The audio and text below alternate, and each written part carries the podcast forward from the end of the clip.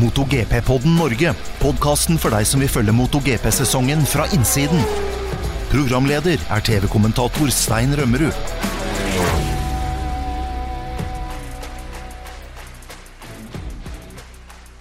Hei og velkommen til en ny episode av MotoGP-podden Norge. Nå nærmer det seg slutten. Det er én VM-runde igjen, og den kjører vi nå til helga. Derfor er det på tide å oppsummere litt, både hva som skjedde i eh, Qatar og hva som skal skje til helga. Vi har masse å snakke om i dag, og da er det jo bra vi har med oss eh, to eh, snakkesalige gjester. Særlig deg, Karoline. Velkommen tilbake. Tusen takk. Nå har jeg jo fått uh, lada opp litt noen uker, så jeg håper dere har savna meg. Det har vi. Vi har savna deg, og ja, det har lytterne gjort også. Og vi har med Dag Steinar. Hei på deg. Ja, hei, hei. Ja, Karoline, du har vært sånn rett ut du, i flere uker. Ja, fader. Altså, jeg fikk en skikkelig gose, god dose korona. Både jeg og Ole Bjørn og junior. Og det er da du savner den tida hvor du bare kunne ligge rett ut på sofaen og bare ha deg sjæl å tenke på, og ikke en elleve måneder gammel baby som bare fyker rundt og skal ha oppmerksomhet og kjærlighet. Så det har vært noen harde uker, men eh, mye bedre nå, heldigvis. Det er veldig bra. Så Vi har deg med nå med en liten analyse før, uh, før helga. fordi Dag Steinar og jeg vi hadde jo en ganske spennende uh, lørdag og søndag i boksen der vi kommenterte Qatar Grand Prix. Og Dag Steinar, når du tenker tilbake igjen på den helga der, hva er det du sitter igjen med? Hva er liksom nummer én minne fra Qatar 2023? Ja, Det er hjulspinnet til Jorge Martin og det, det dårlige dekket som gjorde at han aldri kom med i, i, fighten. Klart det er det man tenker på først. Og Moto 3-dramatikken eh, med den uh, tittelavgjørelsen der, det er vel de to tingene. Og det skal vi komme inn på, for i dag har vi masse på blokka. Vi skal snakke om uh, at det ble en veldig hyggelig ny vinner. Vinner nummer åtte i 2023-sesongen i MotoGP. Vi skal snakke om mapping 8 og hva det betyr. Vi skal inn på at eh, Jorge Martin var sjanseløs i løpet mot eh, Bagnaya. Han ble kanskje utsatt for en dekkoperasjon, hva vet jeg. Vi skal snakke mer om det etter hvert. Det er fristende å bli litt konspiratorisk i hvert fall. Og at Bagnaya nå leder med 21 poeng, det må vi analysere helt til bunns. Vi har fått en ny verdensmester, som du sa, i Moto 3. Det skal vi komme inn på. Og ikke minst en rå opphenting av Dennis Unchu etter en double long lap penalty. Han tjuvstarta nemlig. Og vi skal helt til slutt komme litt inn på Valencia-banen. Litt statistikk derfra og tidsskjema til helga, hva vi kan forvente oss. Det er i store trekk det vi har på menyen i dag, så la oss bare kaste oss inn i det. Eh, Dag Steinar, eh, vinner nummer åtte i 2023 i MotoGP-klassen. Vi begynner jo å nærme oss en rekord der. Det har jo bare vært to ganger tidligere at vi har hatt flere vinnere enn det i én sesong. Vi har nemlig opplevd ni vinnere i én eh, sesong. Det var i 2016 og 2020. Men eh, en litt overraskende seier her eh, den helga her, vel? Ja, det, det, var jo det sånn at han skulle ta seieren. Det var litt overraskende. Men han har jo vært der oppe og kjørt sterkt. har Kommet mer og mer. Men at han til slutt eh, skulle virkelig ta og, eh, og, klare å vinne, det var jo eh, veldig positivt og, og bra. Litt overraskende var det, men uh, han har ikke vært så verst. Han har kommet steg for steg, syns jeg. Og hvis det er noen som ikke fikk med seg løpet også, så er det Gresini-fører Fabio Di Gian Antonio vi snakker om. Uh, hvorfor vant han? Ja, si det. Han har jo bygd seg som jeg sier, han har bygd seg opp race for race og fått det til å fungere bedre og bedre. og ja, han har jo alt å kjøre for, ingenting å tape. Og uh, kjørte fort hele racet. Og uh, ja, det var uh, Ja, han hadde det lille ekstra. Han hadde det. Det var jo fryktelig jevnt da når vi kom til den helga. Det skilte jo bare sju poeng. Og det så jo ja, før den søndagen, og det så jo ut til å bli enda jevnere. Men eh, det her ble jo ikke så spennende som vi hadde håpa på, Karoline. Jeg vet at du fulgte racet fra, fra, hjemmebane. Hva, hva, hva, er dine tanker rundt det som skjedde der? Nei, altså Vi ser jo da først på lørdag, så gjør jo Martin jobben. ikke sant? Han vinner løpet, han tar innpå ledelsen Bagnaya har, kjører fenomenalt. Eh, og så kommer vi til søndagen, og så ser vi jo med en gang at Martin han sliter. Han gjorde en helt horribel start, som Dag Steinar var inne på, eh, og spinner av gårde og fant aldri flyten. Eh, etter løpet Han endte jo på en tiendeplass og fikk med seg fem fattige poeng. og det er liksom Dessverre for oss eh, kommentatorer, seere, alle, eh, så amputerte jo det en helt fenomenal tittelfight. Eh, som på en måte har bygd seg opp og skulle ha grand finale i Valencia. Så jeg syns jo det er utrolig leit. Han klaga jo på dårlig bakhjul etter racet. Ehm, men flere førere, bl.a. Marc Marquez, da, som kjørte mye av løpet sammen med han, sa jo at det så ut som han også sleit med framhjulet. De kan jo ha gambla på at han skal ligge mye i front, eh, og derfor har satt et høyere dekktrykk eh, på mm. framhjulet. Og når han da blir liggende i en klynge litt lenger bak, så øker det trykket. og så Nei, det var bare egentlig forferdelig å se på Martin. Jeg kjente at det var et veldig Det var jo sånn et løp hvor lufta gikk litt ut av meg. Mm. Jeg så jo etterpå at Simon Crayfar uttalte på flere sosiale medier at vi ble rett og slett uh, rana for et bra løp denne gangen her uh, eh, pga. tekniske feil. Da. Um, og det er jo dekket han, han, peker på da. Dag Steinar, det er fristende å bli litt konspiratorisk her. Det er, uh, det er en kamp mellom en Factory Ducati-fører og en privatfører. Og det ble avgjort pga. tekniske ting. Er det noen grunn til å være konspiratorisk, eller er dette sånn som bare skjer? Det, det, er veldig vanskelig å si nå. Hadde det vært for noen år siden en annen æra, så hadde det vært ganske klart. Da hadde jo Michelin A, B og C-dekk etter hvor eh, raske førerne er, og hvor viktig hver fører var i hvert race. Så det var jo mer sånn før. Men det har jo vært også mye av dette på sosiale medier, og vi ser mange av de erfarne journalistene også i MotoGP har gått inn på det her. Og det er jo ganske klare regler i forhold til hvordan de dekka blir eh, fordelt, og det er jo loddtrekning og eh, sånn, så men klart man eh, det var, Han hadde et også dårlig dekk på fredag som han nekta oss å kjøre på, ville ha et nytt for det funka ikke i det hele tatt. Så det, det, det, var vel også det som gjorde at det blir litt ekstra, men det er vanskelig å da eh, si at det her er, her er det gjort noe. Men mm. alle lurer jo, for det var jo så klart i forhold til det at han hadde jo ikke noe grep. Nei. Det var den eneste som spant ut som han gjorde. Så, eh, så uh, uansett, da, så er kvalitetskontrollen hos Michelin helt klart ikke der det skal være. Vi uh, har fått en liten kommentar fra Michelin sin uh, MotoGP-sjef Piero Taramasso om akkurat dette. La oss høre hva han hadde å si. Yeah, race day, 22 laps in a quite a difficult track with a new new asphalt. So we came here without a any information and uh, because of the track solicitation and uh, also the consumption, the tire wear we saw yesterday, most of the riders they went with the hard front, hard rear solution. Uh, the lap time was was quick. Was quick. We were expecting a slower uh, race pace, but the lap time was was very fast, uh, consistent. Uh, Bastianini make the best lap in the race at the last uh, in the last lap. Was quite a positive uh, race. Uh, the only negative note now is uh, about Jorge Martin performance. He complained about rear tire at the first at the first and then also the front because he pushed a lot. So we are looking the data because right now is it's not, it's not easy to say nothing about uh, the tire. The only thing we can say is that uh, yeah, the tire was. Uh, we look at the history. The tire was built in France, and then it traveled uh, straight to here. It was never fitted, never uh, warm up. So for the moment, we have no indication, but we will look at the data that we get from the team, and then as soon we have some news, uh, for sure we will put uh, Jorge and Pramac uh, and everybody uh, aware of what happened. Det var hva Taramasso hadde å si, og han understreker jo at disse dekkene de går gjennom strenge kvalitetskontroller og har blitt behandla på en ordentlig måte. Det har ikke vært gjennom noen varmesykluser tidligere, ikke vært montert på felg. Ingenting som skulle tilsi at det er noen forskjeller her. Så alt tyder vel på at dette er ren uflaks for, for Martin, dessverre.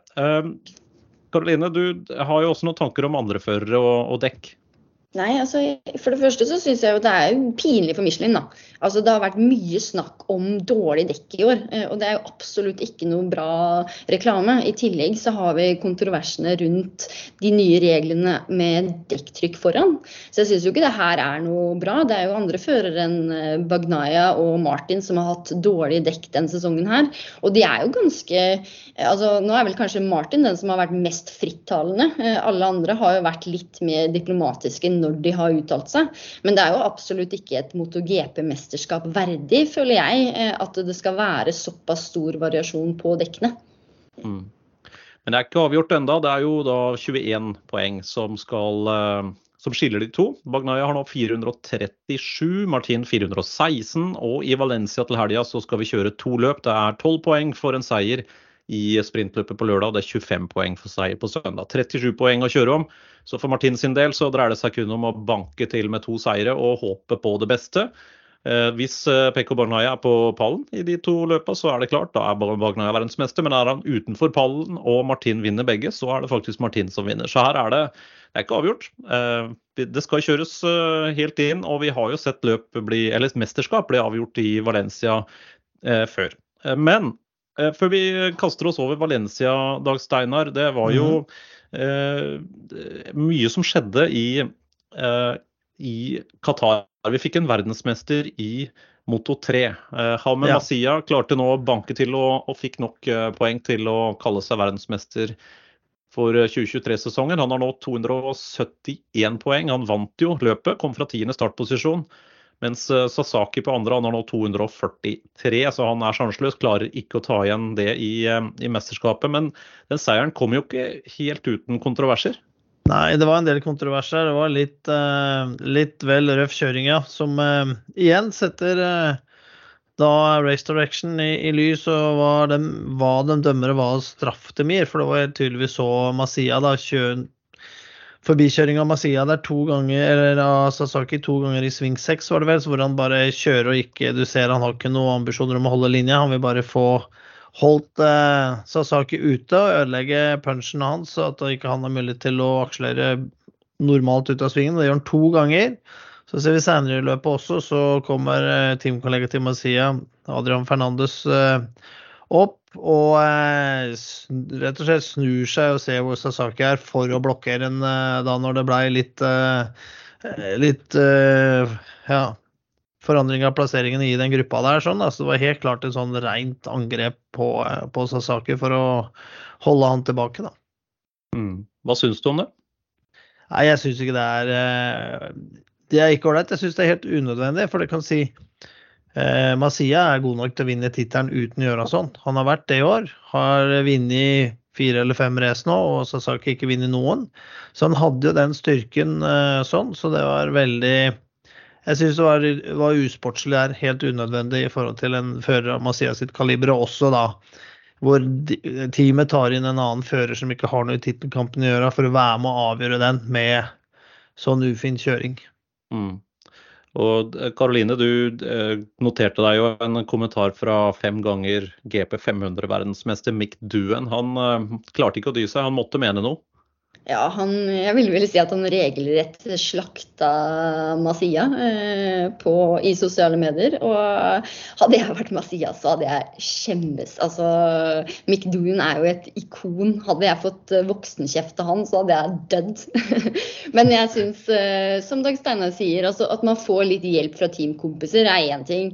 Eh, men det var så unødvendig. Altså, hvorfor gjøre det? Han hadde tempo, han vant. Det her kunne vært et, en en fantastisk eh, finale på, en, på, et mesterskap. Og han kunne gjort det på en så mye bedre måte enn det han gjorde.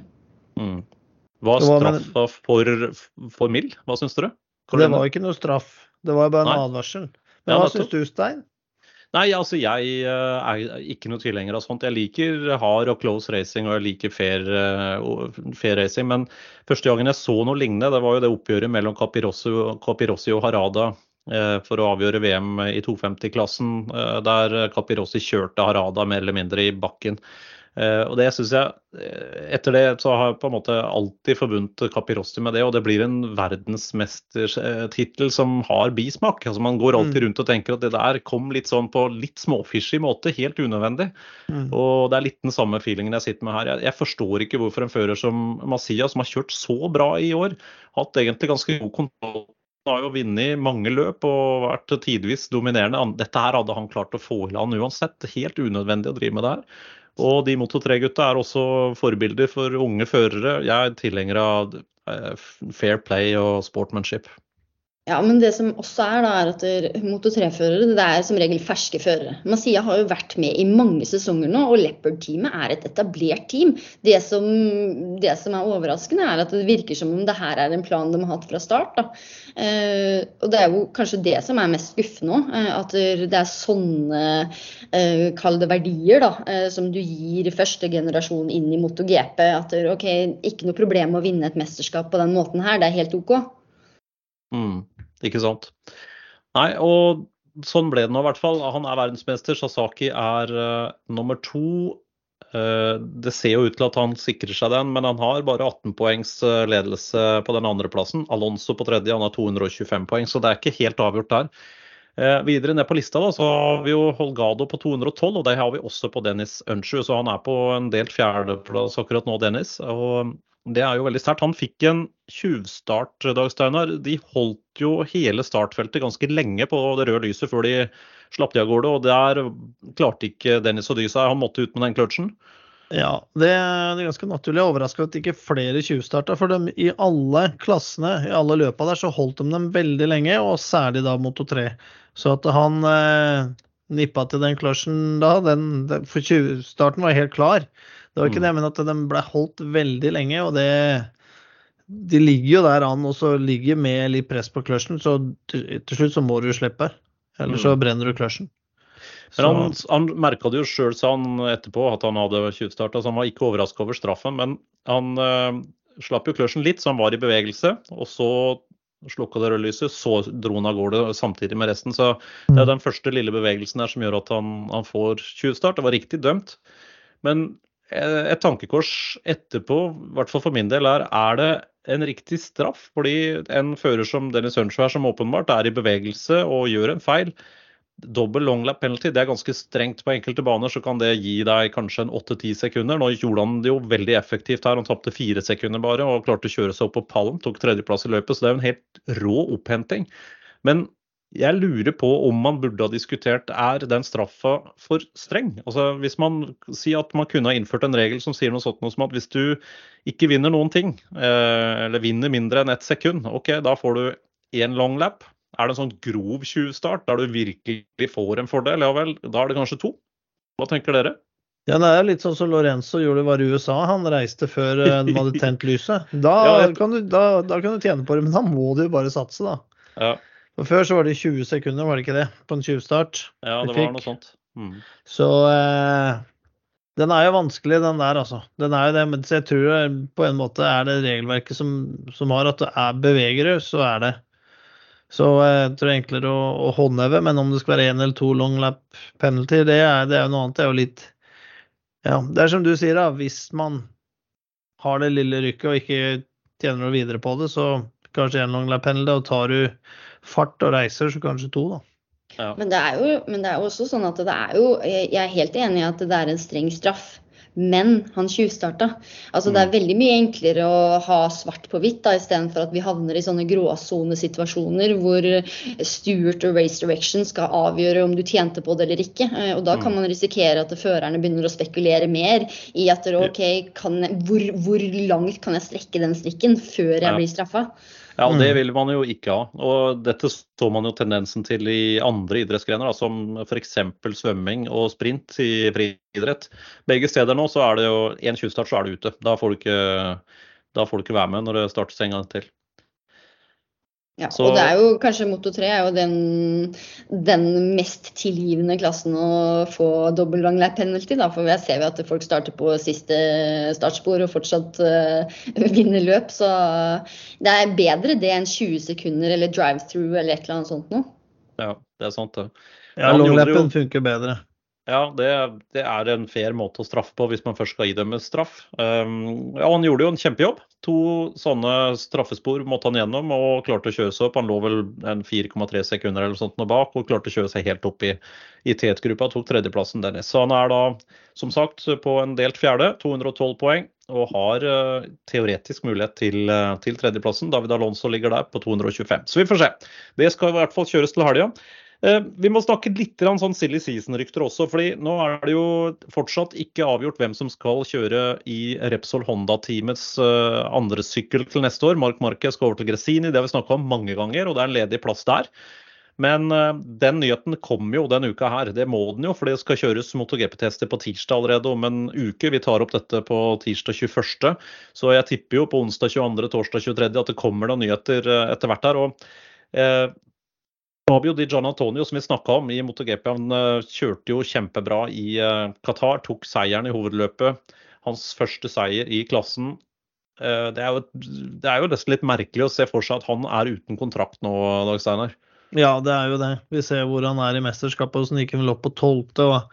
Og, når du er racevinner sånn, og også pallplasser, så, så, er det jo rart at han ja, ikke har, har noe styring neste år i det hele tatt. Så mm. Eh, det er eh, det er merkelig. Så, um, så er det litt hva VR46 vil. Om de, vil ha opp en ny ung fører som de skal, skal da bygge opp. Skal det også sies at det hadde nok vært helt annerledes hadde Gian Antonio vært en av utøverne til VR46. Men han står, står utenfor det. Han er jo ikke en del av ja. den gruppa. Så hadde han vært det, så hadde det vært ganske klart, tror jeg, at han hadde kommet inn der. Ja, for Det står jo mellom han og Fermin Aldeger egentlig da, inn mot den VR46-plassen. Fermin mm. Aldeger er uh, fortsatt i Boscuscoro, og Luca Boscuscoro har sagt at det er helt uaktuelt å slippe han. Han uh, har en kontrakt for neste år, og de blir jo egentlig stuck med et kjempeproblem hvis han nå forsvinner så seint i sesongen til, til mm. MotoGP. Da, hva gjør de da? Er det Fabio Di Gian Antonio de skal få ned fra MotoGP, eller hvem er det de skal putte inn der? Så de får et kjempeproblem. Så han, han spiller jo hardball akkurat nå og sier nei, ja. det er helt uaktuelt, kan ikke la seg gjøre. Um, fordi vinduet for kontraktsbrudd her er, er, allerede passert, og det er ikke akseptabelt å, å slippe fra seg den føreren. Og det, klart at det vil jo hvis da Uccio og de andre i VR46-teamet tenker at nei, han skal vi ha opp, så blir det en dyr affære. De må kjøpe han ut for en, et ganske høyt beløp, vil jeg tro, fra det Moto 2-teamet. Uh, og da sitter de jo egentlig nå med en mulighet her, og det er Fabio Di Gian Antonio. Så selv om du, som du helt riktig påpeker, han har jo ikke vært inne i VR46 akademimiljøet, men han viste jo den helga her at det er ikke tilfeldig at han kjører i eh, i MotoGP-klassen. Han har fortjent å være der. Han er, eh, han er en vinner i klassen, og ja. det kan ingen ta fra han. Han er, eh, faktisk vinner nummer 121 opp gjennom historien fra 1949. Mm. Så det er et historisk resultat, og han styrker jo sin markedsverdi. Hva ville du ha gjort nå, Dagsteina, hvis du satt og var ansvarlig for teamsammensetning teamsammensetting i VR46-teamet? Du har de to alternativene her. Uh, ja, Nei, det er jo selvfølgelig langsiktig plan på, på ny fører sånn da, som du vil bygge opp, så Aldeger er jo, er jo da det alternativet. Og, og eh, så er det jo også med Fabio Gian Antonio. Han har jo alltid vært bra, men han har ikke vunnet så mange race eh, opp gjennom karrieren. Han har eh, alltid vært der oppe, men det er ikke veldig mange enkeltseiere, egentlig. Sånn som ser noe som Aldiger da, er en sånn vinnertype. Det er litt med det også, at de klarer å vinne i de mindre klassene, eller vinne jevnt der. Mm. Vi, ehm, ja, så, så, det kan vel hende det er derfor de har litt tvil til. Nå har han klart å vinne her nå, da, som er helt unikt, men eh, de ser litt på hvordan karrieren til eh, John Antonio har vært, og hvordan han er som fører da, generelt. Mm. Det er topp. Ja, det ehm, blir veldig interessant å se. Karoline, har du noen teori her? Hva ville du gjort hvis det var du som skulle ta valget? Nei, altså det er jo Han er jo Kontrakten hans går Fermin Aldergør sin kontrakt går jo ut i 2025. Eh, etter 2024-sesongen. og Da er han jo gratis.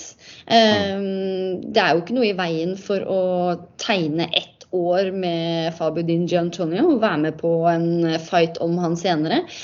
Jeg syns at han fortjener Jeg syns Fabio Di Giantonio fortjener å være i MotoGP. De siste fem løpa har han vist enorm formstigning. Han har vært eh, solid, eh, bra. Og det er bare andre sesongen hans. Jeg tror man glemmer det. Og han hadde en crew chief eh, første året som han ikke kom overens med. Eh, så det er liksom sånn der, Det var nesten, som han har uttalt selv, da, det var nesten bortkasta for hans del. Det er først nå, når han begynte å jobbe med sin nye crew chief, at han virkelig har skjønt uh, litt mer av hva som skal til da, for å vinne løp. Mm. Um, så jeg, jeg syns liksom at det, det, mest rettferdige her hadde vært å tatt uh, Fabio Gigi Antonio. fordi at jeg syns at det, jeg mister jo litt troa på hele uh, Altså den MotoGP-stigen du skal gå da, fra Moto 3 til Moto 2 til MotoGP. Her er han i MotoGP. Det er hans andre år. Han vinner løp, og så har han ikke noe kontrakt videre. Det er jo en tilnærma skandale, syns jeg, da. Altså Vi har jo sett tidligere at tidligere Moto 2 to vinnere. Eh, eh, Remy Gardner han fikk jo bare ett år. Eh, mm. Brutalt. Her har vi en som nå har fått to år, men han har vært på pallen tidligere. Han vant i Qatar det er eh, for, eh, for, brutalt å se at han ikke skal ha noe sete. Men det er MotoGP, og det er brutalt. Eh, VR46 de kommer til å se langsiktig. Så jeg er ikke forundra heller om de slår til på Aldegør, For han har jo vært enormt bra i det siste. Vunnet tre race på Ravel. Og er et, udiskutabelt stort talent. Så mm. spørsmålet er vel heller har eh, Fabio Di Giantonio en plan B, en plan C? Hva burde han gjøre eh, hvis han ikke eh, får det VR46-setet, som mest sannsynlig er hans siste mulighet da, i MotoGP til neste år? Mm. Ja, tida begynner å renne ut òg, helt klart. Vi nærmer oss veldig raskt en ny sesong. Så han er jo ikke i noen god posisjon alt dette vet vi jo om en uke. Da er mm. det test i Valencia. kan ikke du spå litt i kula di, Øystein? Nei, det blir bare gjetting. Jeg vet like lite som dere. Men jeg, det kommer noen nyheter denne uka her rundt uh, Repsol Honda, og det blir uh, Luca Marini som skal inn der. Det, alt tyder på det. Og da er det jo egentlig ren gjetting. Det jeg tipper det er to alternativer da på den plassen som da oppstår ledig i VR46. Det er som dere sier, Fermine Aldeguer eller Fabio Di Gian Antonio. Heller kanskje litt mot den første teorien din der, Karoline, med en ettårskontrakt på Fabio. At de satser på han, og så er det full uh, budrunde rundt alle førerne i 2025. Det, jo, det blir jo tidenes silly season, for det er jo ikke, det er kun to førere nå som har Eh, som har kontrakt for 2025-sesongen. Alle andre skal forhandles, så det kan jo bli en skikkelig omstokk eh, om, om, Hva heter det? Blanding? Endring? Omstrukturering. Omstrukturering, takk. Ja. og så er det sånn Busquescoro gjør det han kan, kan da, for å holde Aldeger eh, i Moto 2. Ja. Og har setter alt han kan inn for å beholde begge førerne. Mm. Så ja. Det er klart. Han, det blir jeg er ikke om jeg hadde vært drithappy hvis jeg hadde vært uh, Aldegør heller. Det er klart, uh, og, og, det er jo som det ble sagt, at det er jo altså Vindu for å hoppe opp til MotoGP det gikk ut for en måned siden. Det er jo det som er problemet. Ja. Uh, fordi alle, De aller fleste Moto 3 Moto 2-førere har jo en klausul om at de kommer det MotoGP-muligheter, så kan de gå opp. Men det, vi er bare for seint i sesongen, rett og slett. Mm. Det er akkurat det. Jeg er enig i det. altså oppstår et kjempeproblem. Og det her starta jo med den sene overgangen til Mark Marquez. og eh, at han da gikk til Gresini, det kom jo veldig seint. Og da ble det jo en utfordring med hele denne kabalen her. Så vi får svaret, tror jeg, i løpet av en to-tre dager nå. Da vet vi mer. Og jeg gleder meg til å se de testene på tirsdag etter den helga vi kommer til nå. For da får vi jo en første forsmak på hvordan bl.a. det går for Mark Marquez hos Gresini, og eventuelt eh, hvor frustrert blir Luca Marini når han har fått uh, kjørt et par pass på den Hondaen. Det er også, da, det, da, er det på tide å begynne å angre, tenker jeg. Men vi får se. Det er uh, uansett en VM-runde nå i Valencia til helga, og det er uh, litt senere enn tidligere. I fjor så ble jo det løpet her kjørt den første helga i november, 4. til 6. november. Da var det faktisk overraskende varmt på søndagen. Det var 27 grader i lufta og Eh, over 30 grader i asfalten. Det var jo ingen som hadde trodd at det skulle bli sånne temperaturer så seint på året i Valencia da for et år siden. Da var det Alex Rint som vant med Suzuki. Han uh, var i en fight med Brad Binder, som ble nummer to på KTM, og Jorge Martin ble nummer tre i det løpet der. Mens uh, Pekko Bagnaya endte helt nede på en niende. Så det var sånn det gikk for et uh, år siden. Værmeldinga for helga nå ser overraskende bra ut. Nå er vi jo faktisk da den den helga her er vi jo godt ut i november, helt mot slutten av november. Så vi har jo mm. aldri kjørt eh, en VM-avslutning så sent. Så det, det, kunne jo ha blitt kaldere, kunne ha blitt vanskeligere. Men det ser foreløpig ganske bra ut. Um, 21 poengs ledelse for Bagnaya. Dag Steinar, er det noen mulighet for Martin, eller er det bare teoretisk? Det er alltid en mulighet. Det har vi sett før på, eh, på Valencia. Det, det er jo det.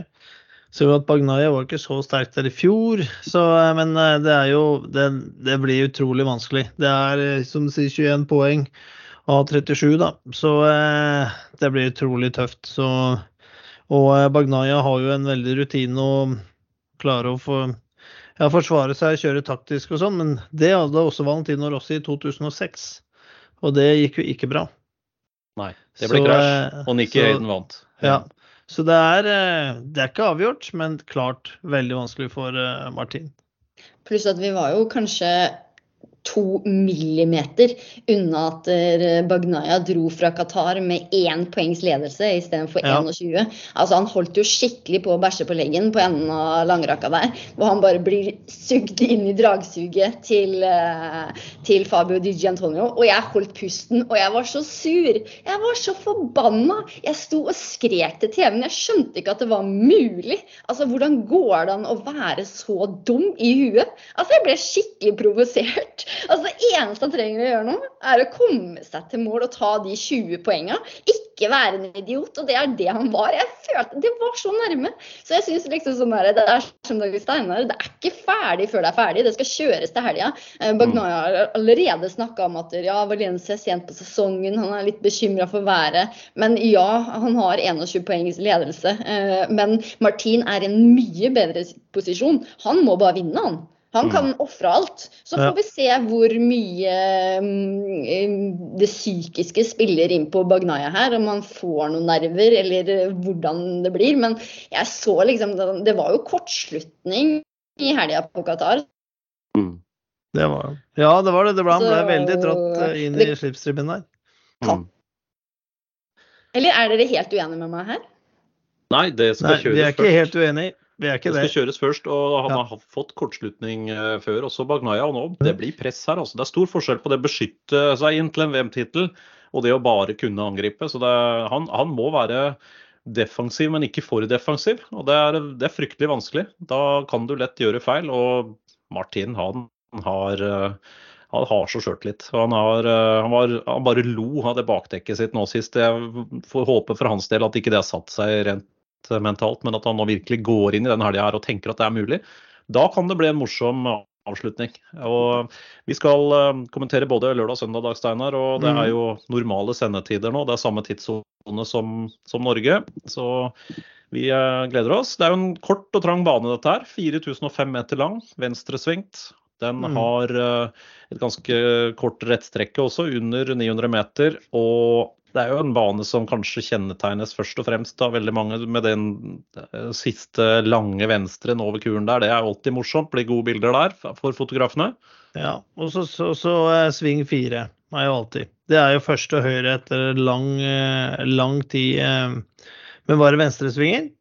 Og det er eh, trikket hvor vi ser at førerne kan gå ut med at dekka kjølt særlig fordekket hvis det blir litt vind og litt lave temperaturer så har det tatt ut mange føre da, nettopp da i, i sving fire. Hva tror du vi får se til helga, Karoline?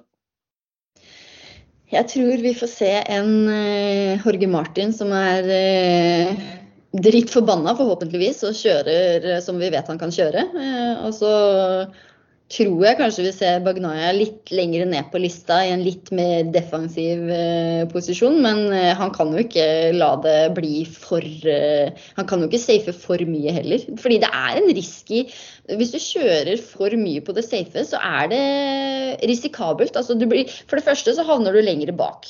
Rundt flere førere, som du igjen setter deg i en mer utsatt posisjon i forhold til om andre folk krasjer rundt deg. Eh, da blir det mer eh, i forhold til eh, dekktrykk, framhjul.